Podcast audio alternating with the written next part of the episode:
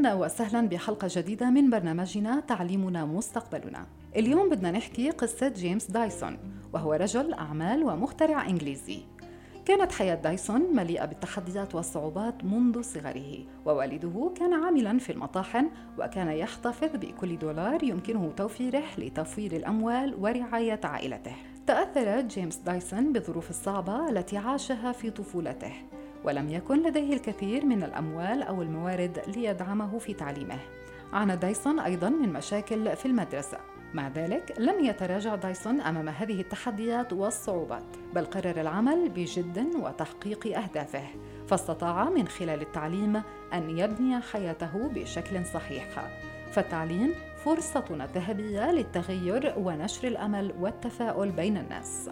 هذه الومضة من ضمن الحملة الشبابية التطوعية المحبة والخير تجمعنا.